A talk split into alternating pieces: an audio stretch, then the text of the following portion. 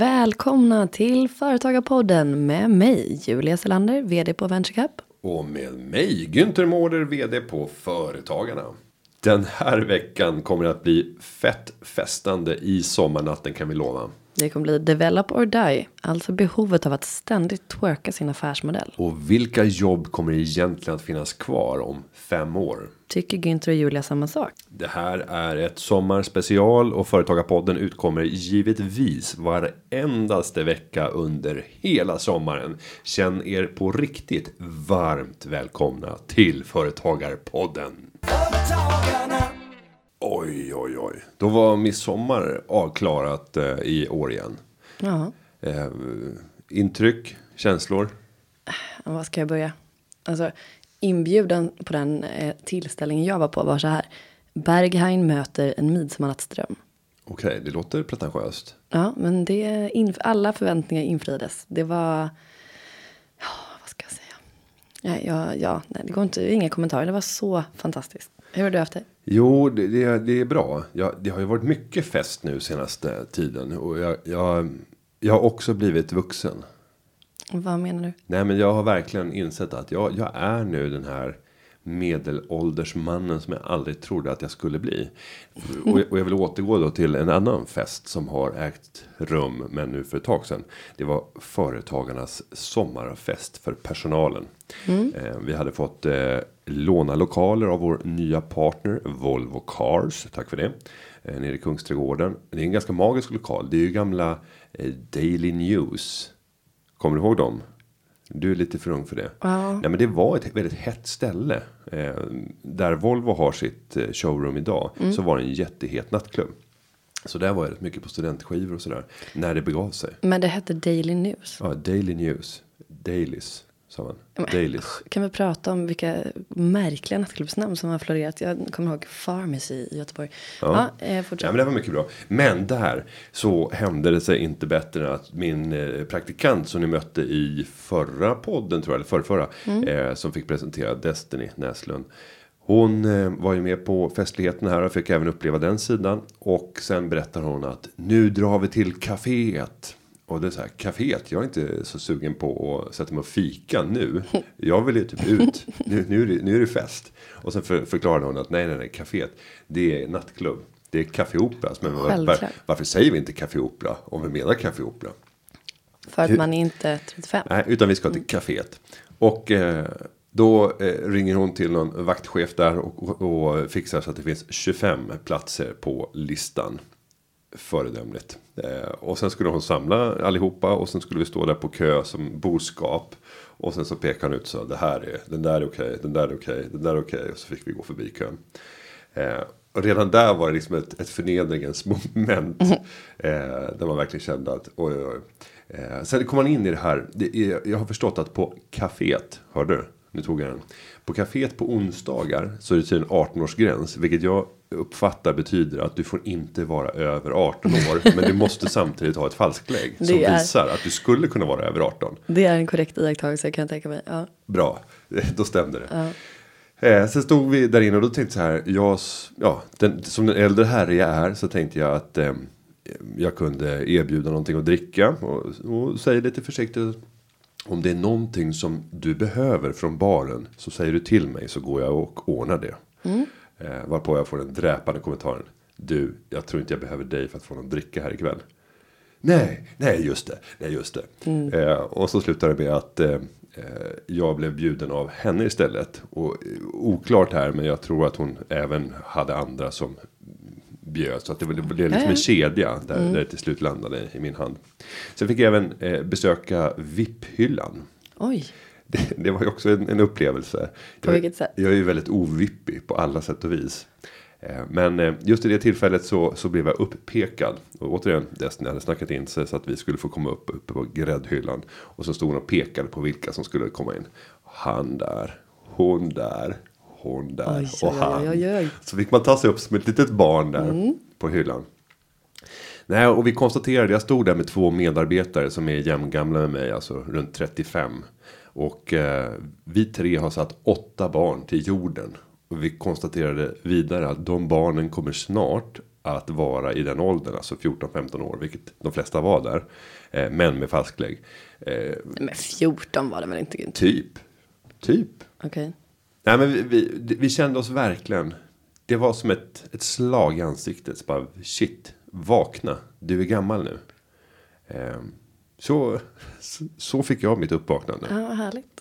Ja, men jag, jag ska, ett annat knep för att komma in på diverse ställen är ju att när vi har haft regionfinaler eller Sverigefinal, ännu hellre Events Cup, så brukar vi alltid dra med oss eh, juryn och finalisterna och ja, de som vill såklart från, från festen. Och, De som har stora kort. Men sluta, jag kan betala mina egna drinkar, herregud. Herregud, jag tror inte jag behöver det. Nej, på riktigt, jag tror verkligen inte att jag behöver det, men tack ändå. Jag, jag ska visa dig allt jag kan någon gång. Inte, men eh, i alla fall, det brukar vara ett knep att komma in i alla fall. Att man, eh, man antingen ringer lite i förväg eller ställer sig där och så tar man med de som har vunnit. De har ju sådana här enorma prischeckar. Mm, så det är Och så säger man, du eh, tjena, du, vi har en snubbe, han har vunnit 500 000 ikväll. Är det något som, kan vi komma in eller? Ja. Brukar funka varje gång. Sen så är det inte så att, eh, att den här checken är giltig i baren på något sätt. Det är ju bara liksom en papperskartonggrej. Men det är väldigt effektivt i alla fall. Det där kan ju faktiskt vara ett, ett tips. Att bara... eh, Trycka upp sådana Ja, du? ja. Att, Och att ha två stycken. Så en har vunnit en miljon och en har kommit tvåa vann en halv miljon. eh, det är de få vaktchefer som säger nej till att släppa in dem den kvällen de har vunnit. Och kommer lite, en bukett Vi blommor tänkte fira lite. Ja, Ja. men det är faktiskt en jättebra idé. Ja. Det här är ju för bra tips egentligen. det är riktigt bra. Ja, men sen så, på tal om fester, sen så, ja, den här grill, grillfesten hos Günthers har ju varit. Ja, det var ju... Det var ju, ja, det var alltså. Men det, var- gött alltså. Ja, nu är jag Jag äntligen här, inne i de innersta kretsarna. Ja, du har fått träffa min, eh, min innersta krets nu. Av vänner och bekanta och familj. Intrycken. Ja, men jag, jag hade höga förväntningar. Ehm, du hade lyckats pricka in typ årets bästa sommarkväll. Det var ju hur varmt som helst. Jag vill inte erkänna det, men jag är ju nästan lite bytt team från slösad krona till spara om det, om det är det här man får, så att säga. Ja, det var pool och det var trädäck i flera hundra meter åt varje håll. Och det var härlig mat och framförallt, nu struntar vi i materiella tillgångar, men framförallt så var det ju fantastiskt trevligt sällskap. Vilka människor. Ja, men vilka människor. Och så bjöds du på skönsång. Det gjorde det verkligen. Eh, Jag skulle ändå vilja säga att det var mitt initiativ. Ja, det var det nog. Det var du som väckte, väckte oss. Körgossarna. Och, och vi, vi sjunger ju inte i den konstellationen. Och nu för tiden och har inte gjort på otroligt länge. Så att det var mest spontant bara. Ja, jag har det på film på Snapchat. Ja, det, var, det var en fantastisk kväll. Så himla glad. Nu får jag väl hitta, hitta något sätt att bjuda tillbaka här. Ja, jag väntar med spänning. Ja, det blir nice. Sen skulle jag vilja ha något tips av dig. Nu midsommar så blev det uppenbart för mig. När jag tog av mig lite kläder och såg denna blekfeta kropp. Att helskotta, nu är sommaren här. Alltså det blir så påtagligt när det är midsommar. Eh, och då tänker jag så här. Hur kommer man bäst i form? Eh, Du är ju typ alltid i form. Så det kanske blir fel. Men, men eh, Inte ska väl jag. om du skulle få ge en Aftonbladet, eh, eh, Aftonbladet tips här. I egenskap av prof- professionell eh, person som inte vill dras över en kam som tjej som bantar på något sätt, tramserier, så kan jag väl ändå ge några knep. Eh, det finns ju den här, det kanske inte är så eh, applicerbart i ditt fall, men har du hört talas om den här Törnrosa-dieten? Är det när man står på en sån där vi- vibrator som finns på tv-kopp och, och, och, och man, man, Nej. man är jättesmal på bara två veckor. Ja, men Men kom- Men kommer du ihåg då? Han står på plattan. Alltså det här, är ju, det här måste ju vara för min tid. Eller så har jag bara, ja, jag fick ju inte se på så mycket tv när jag var liten. Även berätta om Törnrosa-modellen. Törnrosa-modellen är ju att man, man sover ganska mycket mer än vad man brukar göra. För då, då kan man ju inte äta för man sover ju. Jaha. Ja. Så det är ganska gött. Jag, jag kan eh, ta och informera dig eh, om att just den modellen är lite svår att kombinera med en hyperaktiv ettåring hemma. Han synd. vaknade klockan fem i morse. Eh, Så att det, det blir typ anti. För mig är det så här anti Törnrosa modellen. Ja, men det skulle väl också kunna funka egentligen. Nej men jag har då knepen. ehm, det som jag brukar göra, alltså så här, jag, jag är ute på mycket tillställningar och så vidare. Jag tycker att allt är kul. Eh, svårt att säga nej. Så att jag, mina veckor är ju 5-2. Inte diet utan friskhetsmässigt. Utan det är så här måndag, tisdag. ibland också söndag. Då är det hysterisk träning, det är grön spirulina juice till frukost och det är liksom renlevnad. Och sen så kör jag resten av veckan tvärtom. Riktigt blodigt. Ja, och det brukar funka väldigt bra för mig. Men då ska jag säga att när man verkligen behöver fräscha upp sig och eh, få lite mättnadskänsla fastän man känner, ja, då har man eh, ett glas vatten, stort glas vatten med äppelcidervinäger. Smakar riktigt räligt, men man känner sig liksom renad inifrån. Det är ett litet tips. Och, och vad händer i kroppen? Börjar magen att kurra? Och... Nej, Tarmarna eh, och vrida ihop nej, sig, det skulle eller? inte. Det är bara att man känner sig renad inifrån. Man känner att eh, desto mer sånt man dricker, desto bättre mår man. Jag kan inte förklara det på något annat sätt. Nej. Billigt också, Günther. Vad kostar en flaska? 36 kronor kanske. Och jag har även eh, sa- salmbärsvinäger. Kan det heta salmbär? Det låter Från Got- märkligt. Gotland. Ja, men jag hittade en sån flaska i mitt skåp som jag fått när jag varit och talat. Jag började tömma eh, skåpet av talargåvor för att ställa fram på. Jag har ju brukat använda dem i samband med jul till eh, personalen. Så har jag delat ut. Och det roligaste det är när man inte har öppnat ett paket som man har fått när man har talat. Eh, Och ibland så kan man ge den till, till eh, eh, ja, men någon, någon, någon släkting eller liknande för att se. Det är ju lika mycket överraskning själv. Vad ska det bli? Undrar hur fel det här kommer bli. Det är också roligt om det har legat där i skåpet ett halvår så ger du en, en sommarpresent och så är det ett glöggset liksom. Ja men oftast, Ja, oftast när man har varit ute och talat så är det ju någon stolthet över bygden Mm. där man kommer. Så det är ju inte sällan att det är någonting som är väldigt lokalt eh, kopplat. Ja. Eh, och av, av mycket ringa värde men ett stort kulturellt värde. För det förmedlar någon typ av, av känsla. Det är lite gubben i lådan, det är spännande tycker jag. Jag, jag fick en, jag måste nämna en bok. Det var Nacka on a plate. Efter att jag har varit och talat i, i Nacka. Och man har alltid undrat så här. Men vad finns det på tallriken? Hos den vanliga Nackabon. Nacka on a plate. Eh, nej, men jag tror ändå att det var några restauranger i, i Nacka som hade gått samman för att visa upp. Eh, lite vad de hade i sitt crossover-kök. Men det här står ju företaget på den verkligen bakom. Absolut. Mm. Vi ger det det fulla stödet. Det gör vi. Och sen så vill jag understryka det här med banteri och tramseri stå i vassen. Skit i att stå i vassen, var ute i havet, det är asgött. Det spelar ingen roll hur man ser ut. Nej, ha, nej, det är bra. Att, att hoppa i snabbt från båt. För då, kan man stå under relingen först och gömma sig. Och sen så är det bara en halv sekund. Där, vet, när man kastar över fläsket över Det är relingen. snabbt från båt. Det blir också en bra sån här kanonkula då. Det blir mer effekt. Och så, så ligger man med vattenlinjen precis vid hakan. Så det, du kan inte ens se dubbelhakan. Utan det passerar lite, lite sån här valmun. Nej, nu blir jag så sugen på att. Nu, nu, nu får vi fortsätta. Ja. Eh, vi återkommer och ser om vi kan komma lite i form. För just nu är jag ur form. Men ett tema för dagen handlar om eh, hur man twistar till sin affärsmodell. Man känner att bolaget har gått i stå. Och det behövs en förnyelse för att kunna nå nästa nivå. Jag tror många som har drivit bolag är väl bekanta med det här tillståndet. Ehm, Och det är ju så att världen förändras ju kontinuerligt och det går ju inte med liksom en linjär hastighet utan oftast brukar vi prata om att det är en exponentiell utveckling. Där det för varje år går ännu snabbare än vad det gjorde senaste året och sen blir det bara en ränta på ränta effekt på det. Och då är det så att förändras inte vi som företagare och vår, vår affärsmodell i samma takt som omvärlden så kommer vi till slut att vara obsoleta. Och världen är full av sådana exempel där man har tjänat grymma pengar, varit framgångsrik i den tid som man levde. För att sen, några år senare, inse att oj, vi har missat hela racet. Men det kan ju låta ganska skrämmande om man är egenföretagare eller funderar på att bli. Men sanningen är väl att så fort man slappnar av, då börjar det gå åt helvete. Ja, det blir lite för bekväm liksom. Exakt. Det är det där. Nej, men man, man, det enda man vet är ju att förändringen är det som kommer hända. Allting förändras hela tiden. Och börjar man bara öppna det mindsetet så är det inte så läskigt tycker jag. Det handlar ju också om en nyfikenhet och framförallt inom den bransch man är i. Eh, och försöka hålla sig ajour med det.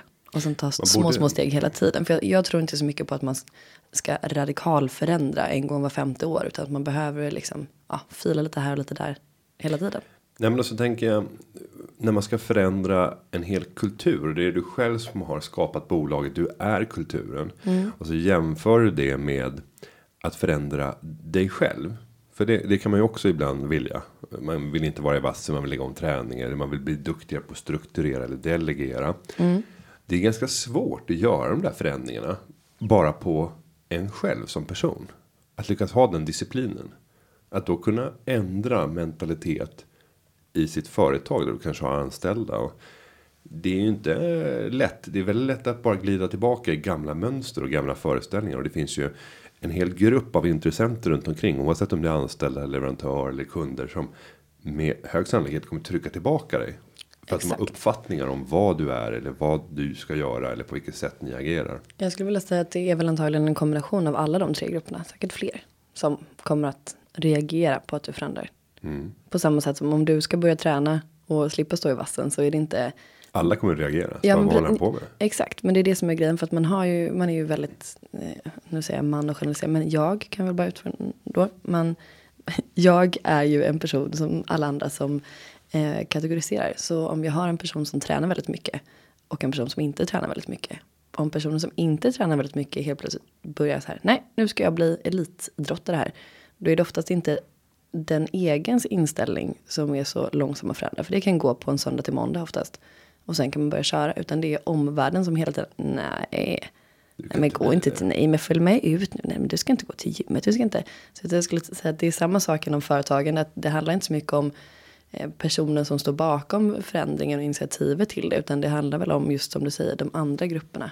Eh, kunderna, leverantörerna och sådär. Vad de tycker. Nej men Venture Cup, nej det har, det har funnits i 15 år. Det ska inte vara så. Tävlingen ska vara som den alltid har varit. Det har fungerat alldeles utmärkt. Ja, Titta på numerären. Fantastiskt precis. många som har gått igenom det här. nej, ja. Nej men att, att våga utmana. Jag, jag brukar säga så här. Utmana tanken. Jag säger, brukar säga, gå, gå fem år framåt i tiden. Och utmana det bekväma nuläget. Om du får stretcha nuläget och tänka att på fem år så kan du göra otroligt mycket saker. Tänk tillbaka vad du gjorde för fem år sedan. Och hur livet såg ut. Och Oj, tänk, tänk på hur det ser ut idag.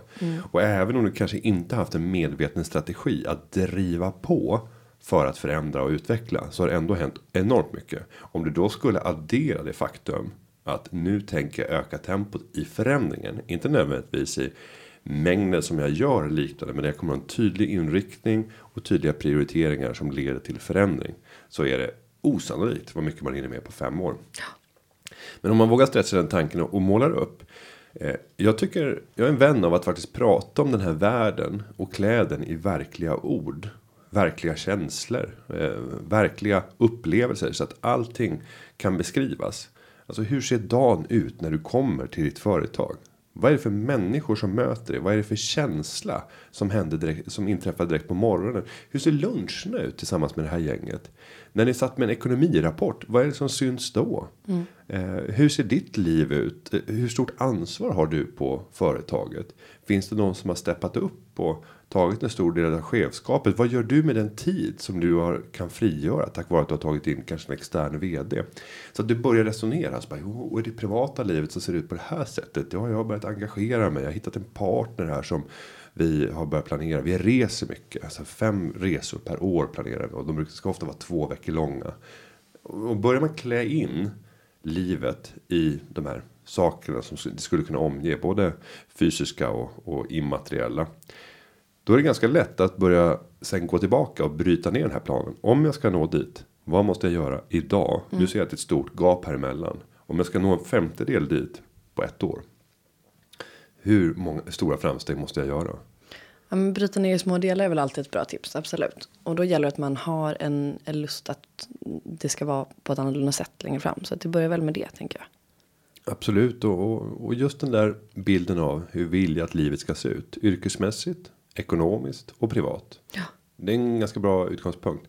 Andra tips för, som du har när det gäller att driva förändring och att motivera sig till att eh, kunna förändra. Ja, men när det gäller företagarmässigt och entreprenöriellt så tänker jag att man kanske behöver tänka att ja, men så som världen ser ut nu så kommer den inte se ut om fem år. Och så börjar man faktiskt då anamma det istället för att lägga locket på och ignorera det faktum att tuffa på för att det går bra. Så kan man kanske tänka okej, men vad, vad är vårat unika värde i det här företaget? Hur kommer det vara i förhållande till omvärlden om fem år tror jag? Är det en bransch som det händer väldigt mycket i? Ja, det säger ju alla hela tiden att det gör. Just nu händer det väldigt mycket i den här branschen. Det har aldrig gått fortare än nu. Nej, exakt. Just i den här lilla branschen. Ja, men så är det i alla branscher. Eh, men om man fortsätter spinna vidare på det. Hur, hur tror du som företagare att din bransch kommer se ut om fem år? och eh, ta det i förhållande till din, till din affärsmodell. Och så tänker du, kommer den att hålla? Eh, svaret på den frågan är sannolikt inte ja, att allting kommer funka exakt som det gör. Utan börja våga provocera dig själv med den tanken. Vad är det värsta som kan hända? Och så får man kanske leka och workshop lite med det. För att vara beredd. Jag tänker på, på nästan samma tema. Att frigöra eh, kraften genom att säga. Om ni som om man har anställda. Om ni anställda fick utmana det företag som vi gemensamt eh, skapar. Hur hade ni då velat attackera det här behovet som vi löser? Det finns ju många framgångsrika exempel på företag som har vågat utmana. Jag själv jobbade ju på ett sånt.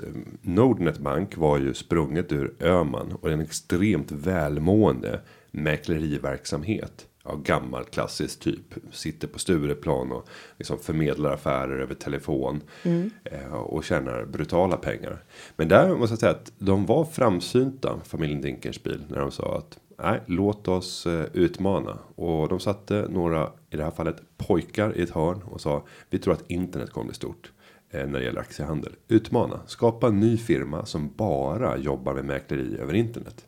Och jag vet inte hur många år det tog, om det var två eller om det var fyra eller fem år innan Nordnet var större än Öman. Och det är ju rätt häftigt när man vågar intern konkurrera och plockar ut ett antal personer som ska förstöra den affärsmodell som man själv sitter med.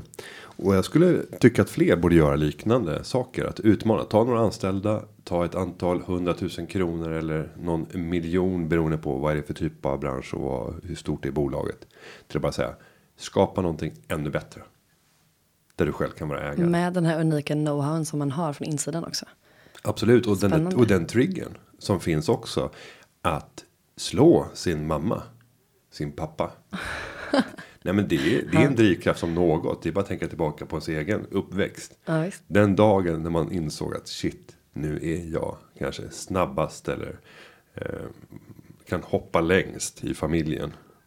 Jag, jag kom aldrig till det stadiet. För jag Nej, jag tänkte stora, du har inte kommit dit. Nej, jag hade alltid, jag hade ju storebror. och sen så när, sen så kom lillebrorsan och sprang om ändå. Så att jag har aldrig, aldrig ens varit bäst i min egen familj. Nej. Det, är, det är mörkt Günther. Men okej, okay, eh, så vad ska man kalla det där? Dels så skulle man kunna säga lite så här, ja men eh, måla fan på väggen och tänk negativt. Vad är det värsta som kan hända? Och försök vara lite förberedd på det eller anpassa. Och som du säger då att man, man kanske tar ett internt team eller ja, om ett litet företag, sig själv och sin kollega då i värsta fall. Eller mm. bästa. Eh, och tänka till, okej okay, men hur skulle vi kunna göra det här bättre om vi var ett annat externt bolag än det som vi gör. Spännande. Jag har ett annat lite, lite ovanligt tips. Men det är att byta ägande. Jag vet inte om jag tagit upp det tidigare. Men om du har någon person som eh, du känner helst av allt inte djupt utan mer ytligt. Men som också är en framgångsrik företagare som du ser upp till. Helst av allt så ska den personen gärna tycka samma sak om dig. Mm. Så att ni båda har stor respekt för varandra i er företagargärning. Men ni håller på med helt olika saker. Mm. Att då gå och låta en värderingsperson göra en värdering av båda firmorna. Och sen så byter man aktier med varandra.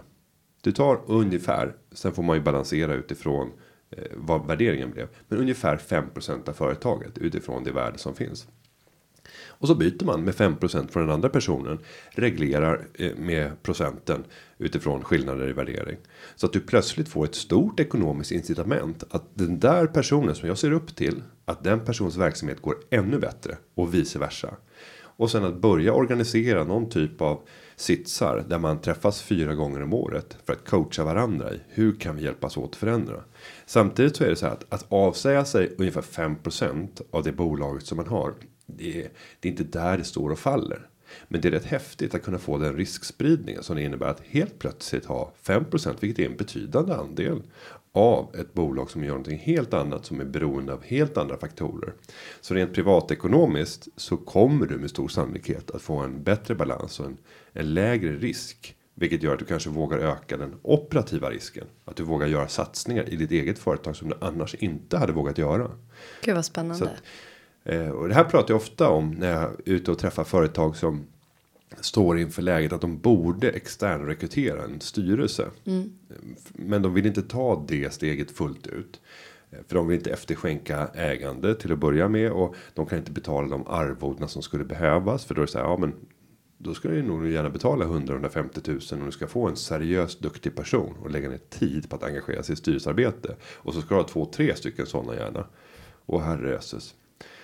Men det här är ett bra sätt för då man själv är ju lika lämplig att kanske ge råd och, och komma med synpunkter och kunna utveckla någon, någon annan bransch. Företagen är till 80 85% samma sak oavsett vilken bransch du är i. Det handlar om ett mindset. Sen är de sista 15-20% i branschen unikt. Men gud vad spännande. Men fråga, har du gjort det här någon gång? Nej, jag har inte haft någonting att byta med. Alla mina, alla mina verksamheter där jag har varit ensam ägare från början har eh, fallerat. Den enda, gång, den enda gången det har flugit det är när jag gjort det tillsammans med andra. vad säger det egentligen?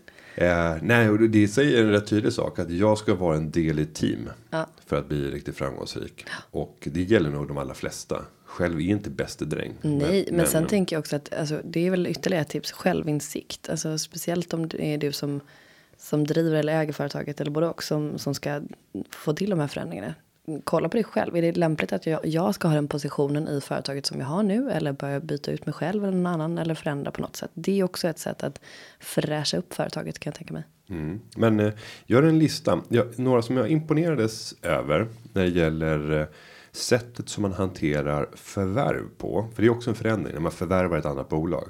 Det är Trelleborg och deras vd Peter Nilsson som har varit vd under mycket lång tid. Eh, De har en 100 punktslista. Jag tror att det är 100 punkter 100 dagar. Jag- låter det vara lite osagt, men under mycket kort tid så har de en lång rad en lång, lång, lång rad åtgärder som de vidtar så fort man genomfört ett förvärv. Och de säger att det är hastigheten i det här genomförandet som är helt avgörande för om man ska lyckas med att inkorporera ny verksamhet och att bygga en sån kultur där det ska gå otroligt fort framåt och du vet vilka steg som är. Så de har ju byggt liksom en förvärvsapparat som har historiskt varit väldigt framgångsrik. Så att eh, lyssna och inspireras. Det finns nog mängder av eh, årsredovisningar och intervjuer och liknande med Peter Nilsson som man kan ta del av. Det är det, den förändringsresan. Men det tror jag mycket på för att om du ska förändra och ha mer än vi säger 10 personer i ditt bolag. Då är det ju viktigt att både du själv som Eh, eventuella ledare för företaget eh, anammar den här förändringen och visar upp den i stort och smått så att man hela tiden vet att okej men nu händer det någonting i det här beteendemönstret. Men man måste också dundra till med någonting, någon slags eh, strategi eller ja, jag vet inte. För att det verkligen ska bli någon skillnad på vad man gör den här regniga tisdags eftermiddagen så att man inte bara gör precis som man alltid har gjort. Ja, och och sen är det ju att ha den där klara bilden över vad innebär den här förändringen. Någonstans så måste det landa i en syftesbeskrivning och en prioriteringsordning. Där varje medarbetare eller varje intressent bara kan gå igenom och ställa sig frågan. Om jag besvarar den här, de här frågorna så ska jag veta hur jag ska agera i det här läget. För det vanligaste det är ju att vi gör omedvetna prioriteringar och omedvetna val under varje varje enskild dag så bara fortsätter vi göra de här omedvetna valen. Och det är först när du börjar hitta ett sätt att strukturera upp det och visa upp att men nu ska mitt liv ledas av det här för vi är på väg mot det där slutmålet. Om jag vet att vi ska dit. Ja, men då är det mycket lättare. Det är som om man eh, har gått vilse i skogen. Om man har en strategi och faktiskt börjar sätta sig ner och börja tänka ut. Vad har vi för någonting att förhålla oss till? Vad är det kända? Vart hän ska vi? Så är det mycket högre sannolikhet att du kommer pricka rätt och, och faktiskt hitta ut. Det blir allt eh, mindre vanligt att man går vilse i skogen kan jag konstatera. Sen är liknelsen kanske lite dålig. Har du gått vilse i skogen? Självklart. Ja. Vem har inte gått vilse i skogen? Nej, men det, jag tror att det blir mindre vanligt när vi ser den här kraftiga urbaniseringen. Det är så här, ja, men hur kan man gå vilse i skogen? Hagaparken är inte alls så. eller?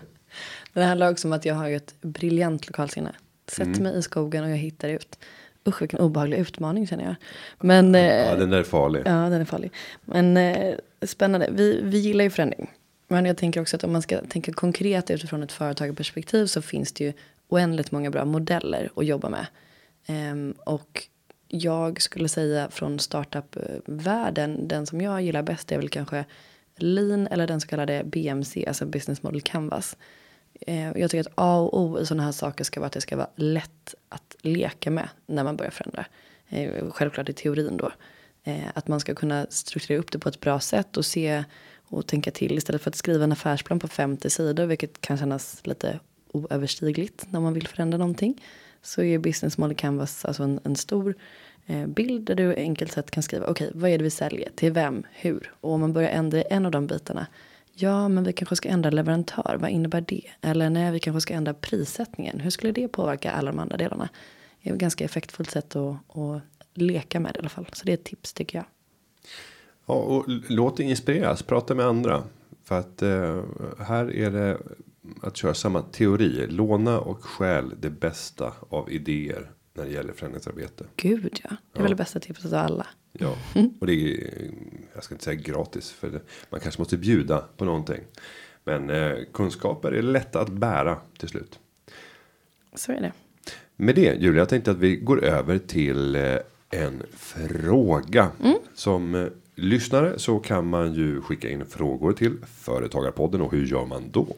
Jo, men då använder man hashtaggen Företagarpodden eller så går man in på Företagarnas frågeformulär. Jag glömmer alltid bort hur man hittar till den sidan för jag har aldrig varit inne där själv. Nej. Var är den? Mm, och hashtag Företagarpodden använder man ju på Instagram och Twitter Precis. och går man in på Företagarpodden.se så kommer man in till en sida där alla avsnitten finns och där finns också ett frågeformulär. Det är dit. Jag kan, ska jag skicka in ja, en pröva, hemlig fråga? Pröva och skicka en hemlig fråga. Företagarpodden.se. Jag ska skriva något insmickrande om den där Julia tänker Ja, mycket fint. Mm. Okej, okay, men kör frågan då. Vad har vi fått för en fråga den här veckan? Vi har eh, fått en fråga från Kiruna. Eh, och det är Bertil. Günther och Julia. Vilka nya yrken tror ni kommer att finnas om fem år? Wow, vilken fråga. Vad tror du? Kommer det att vara så stor skillnad? Om vi går tillbaka för fem år sedan. Mm. 2012. Ja, då tänker jag ju spontant på att eh, vi har ju ändrat ganska mycket på hur vi ser på det här med eh, bloggande och influencers, de så kallade influencerna. Och jag, jag lever ju nära en, en god vän som både är och har hand om många sådana. Så att marknadsföring via eh, sociala medier, det skulle jag säga är det som är det största som jag spontant kommer att tänka på. De otroliga pengarna som de här personerna gör på att lägga upp inlägg på Instagram eller gå på flådiga grejer och sen blogga lite om det eller skriva lite om det.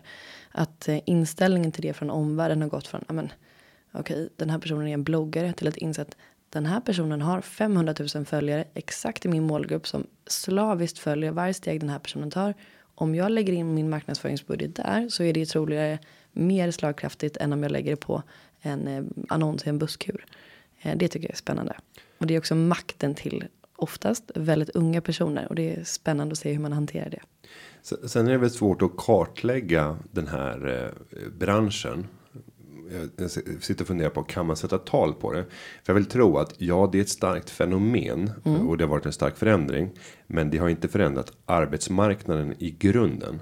Så att eh, i, idag när du funderar på vad du ska bli så tycker jag att du ska överväga att bli en influencer. Mm, Nej, men jag tycker Ett att bra jag... val för dig som. för dig som är yngre än Günther Mårder i alla fall. Nej, oh. men.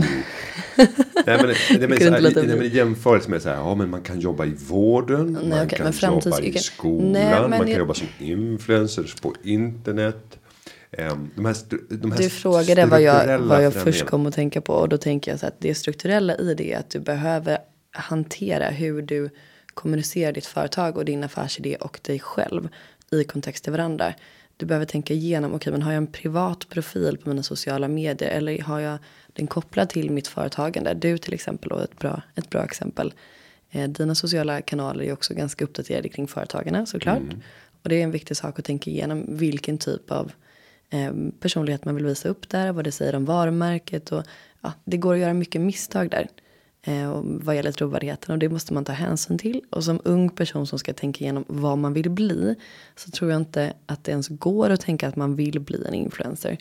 Eh, men däremot så, så eh, behöver ju alla unga människor ta hänsyn till hur man kommunicerar och det tycker jag är intressant att alla blir egentligen ett litet medieföretag om du har sociala medier. Du blir redaktör, du blir kreatör, du blir kanske någon slags omslagsperson själv. Du behöver boka in möten och event. För, alltså förstår du, du blir som en tidningsredaktion i dig själv. Om du jobbar på bra med det. Och det tycker jag är spännande. Ja, börjar jag resonera kring arbetsmarknaden och vad som kommer att förändras. Så tror jag att det är alltid lätt att tänka att det kommer att förändras dramatiskt på fem år. Och mycket kommer att hända på fem år. Men det kommer normalt sett vara ta längre tid än vad så här framtids spådamer och spåherrar hävdar. Men jag vill göra då. Jag vill själv eh, sälla mig till skaran spå män då. Och då skulle jag vilja hävda att alla jobb där du kan förklara vad du gör på jobbet kommer att försvinna. Det kommer ta olika lång tid, men alla jobb där du kan förklara vad du gör på jobbet, de kommer att försvinna. För kan du förklara vad du gör på jobbet så betyder det och då pratar vi om för vem? Ja, men för någon som är 10 12 år och den personen kan förstå vad du gör när du förklarar. en kittlande förklaring. Då vill att du utvecklar. Till exempel. Nej, men om jag ska förklara för en tioåring vad jag gör på jobbet. Alltså var börjar jag? Så bara, jo, jag. eh, Jag leder en verksamhet med 260 lokalföreningar och 70 000 medlemmar som är företagare. De ska försöka entusiasmera och skapa mervärde. Jag ska ge dem bättre förutsättningar bli framgångsrika. Så bara, men vad gör du på jobbet då? Så bara, ja, sitter i poddstudio, sitter mycket i möten. Var tioåring kommer se att jag fikar väldigt mycket. Ja, men det, det, bara, det, vad förlåt snarkning. Jag menar inte att det var ointressant. Jag menar bara ur en tioårings perspektiv så hade du redan förlorat dem efter 20 sekunder. Jo, och det är för att det inte går att förklara. Men om du istället börjar förklara. Jag fikar väldigt mycket. Nej men vad, bara, vad gör du på jobbet? Låt oss säga att jag eh, står i film, med filmkamera i studion. Så bara, jo jag står och styr den här filmkameran i studion. Och så ska jag följa med i rörelserna och försöka skapa den bästa bilden. Så bara, det är ganska lätt att förklara. Vänta nu, det här kommer att automatiseras. Nu var det ett dåligt exempel för det har redan automatiserats. Gå in i Aktuellt 21 studio idag. Så kommer du se att alla kameramännen är borta. De finns inte där. Allting är datorstyrt. Och eh, kameran fick tuppjuck. Det var roligt. Eh, förra veckan. Eh, när jag tittade på en sändning. Då gjorde den en 360 in i studion. Mitt när de höll på och pratade om typ något tekniskt haveri. Nej, vad roligt. Och sen så blev det själv i studion. Så fick man en 360 graders eh, rundtur där. Gud, så, så där hade inte en kameraman gjort. Om den inte hade fått spatt. Ja. Men Eh. okej, men jag tänker sådana här klassiska yrken som, ja, det är en liknande som du säger. Ja, men det som man inte kan förklara för sin förälder, det är ett bra jobb. Men å andra sidan, då tänker vi ju eh, läkare, brandmän, tandläkare. Vad tror du om det?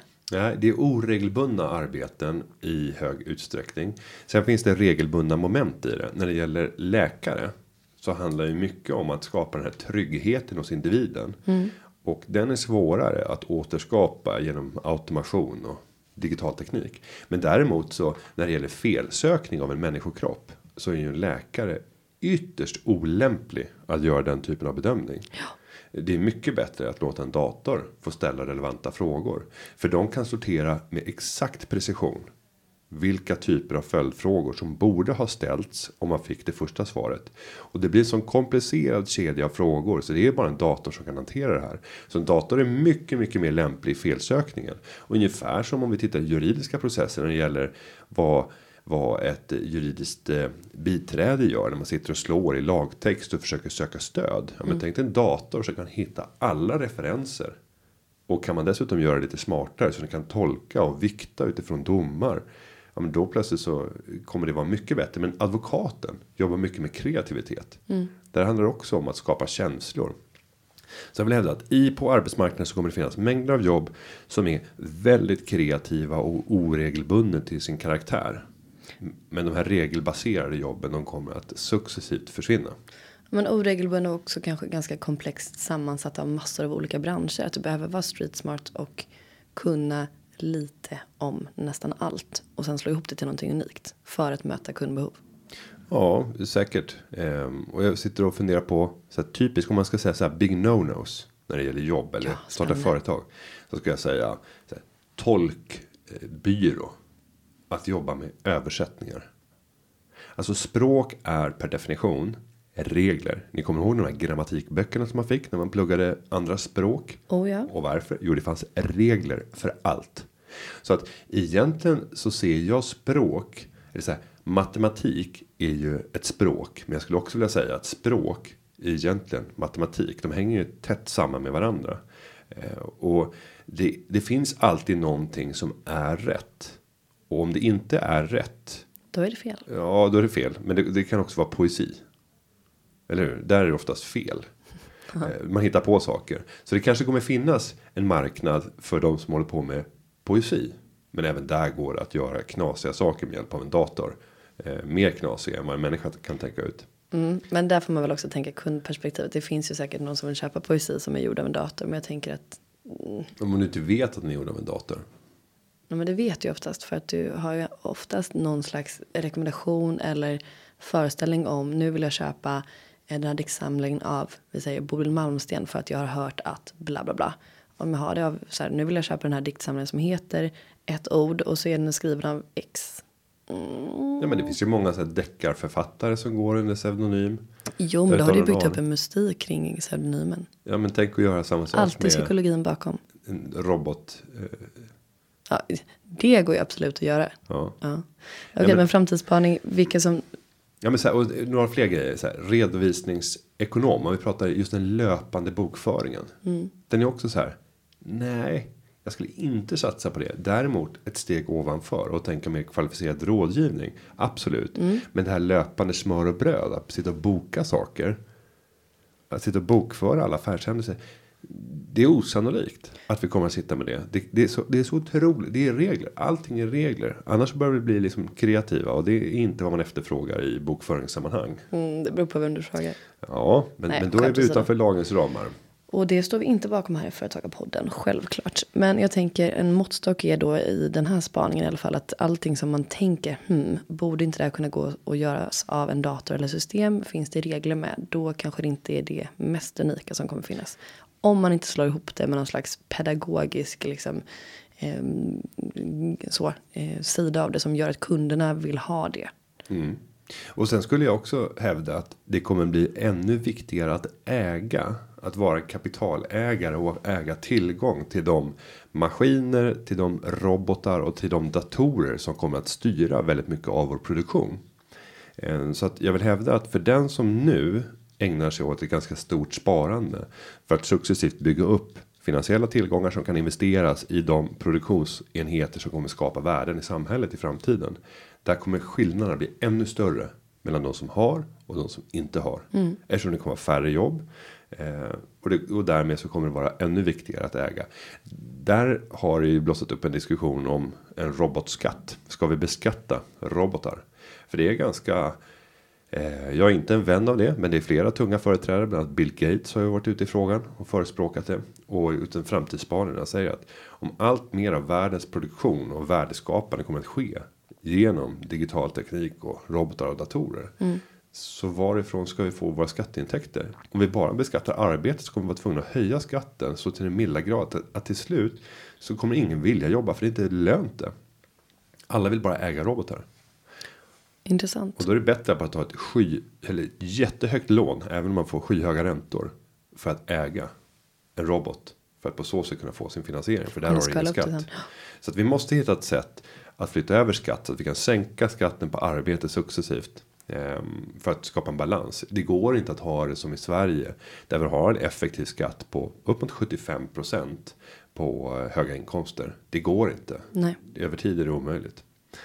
Ehm, Nej, så jag skulle vilja slå ett slag här till, till eh, Berit i Kiruna. Att fundera över hur... Bertil var det med förbi. Ja, förlåt. Bertil, inte Berit.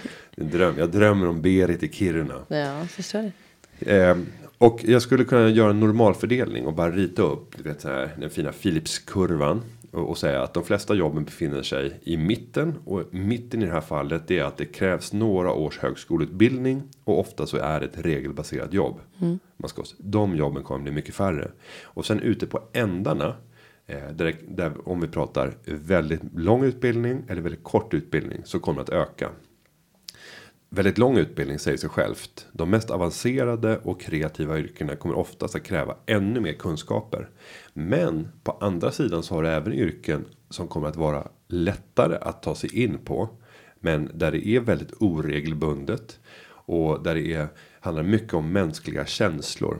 Typiskt sett, ja men serveringspersonal. Det är ett oregelbundet jobb.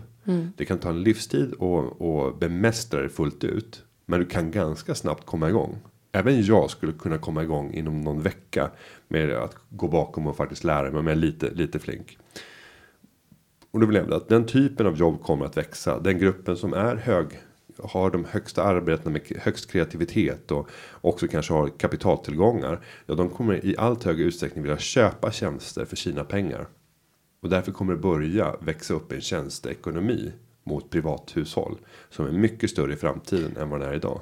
Lite som Amerikat. Eh, ja, det här kommer att kunna öka klassklyftorna väsentligt och det när man lyssnar på Socialdemokraterna så pratar de ofta om att man ska kunna göra den här resan. Och det finns nog ingen som säger emot det. Men det är extra starkt inom Socialdemokraterna. Att man ska kunna gå från ett enkelt arbete till att bli vad som helst. Och den tanken tror jag kommer bli mycket, mycket svårare. Det kommer tydligare bli cementerad för att det är så stort glapp mellan de mest högavancerade jobben och de oregelbundna servicejobben som kan vara mycket svåra till sin art men där det är väldigt svårt att ta klivet över. Man, man kan inte bara halka på ett bananskal och så plötsligt hamna i den högkreativa delen av arbetsmarknaden. Ganska dystopisk eh, framtidsspanning då. Kanske vi får se. Mm.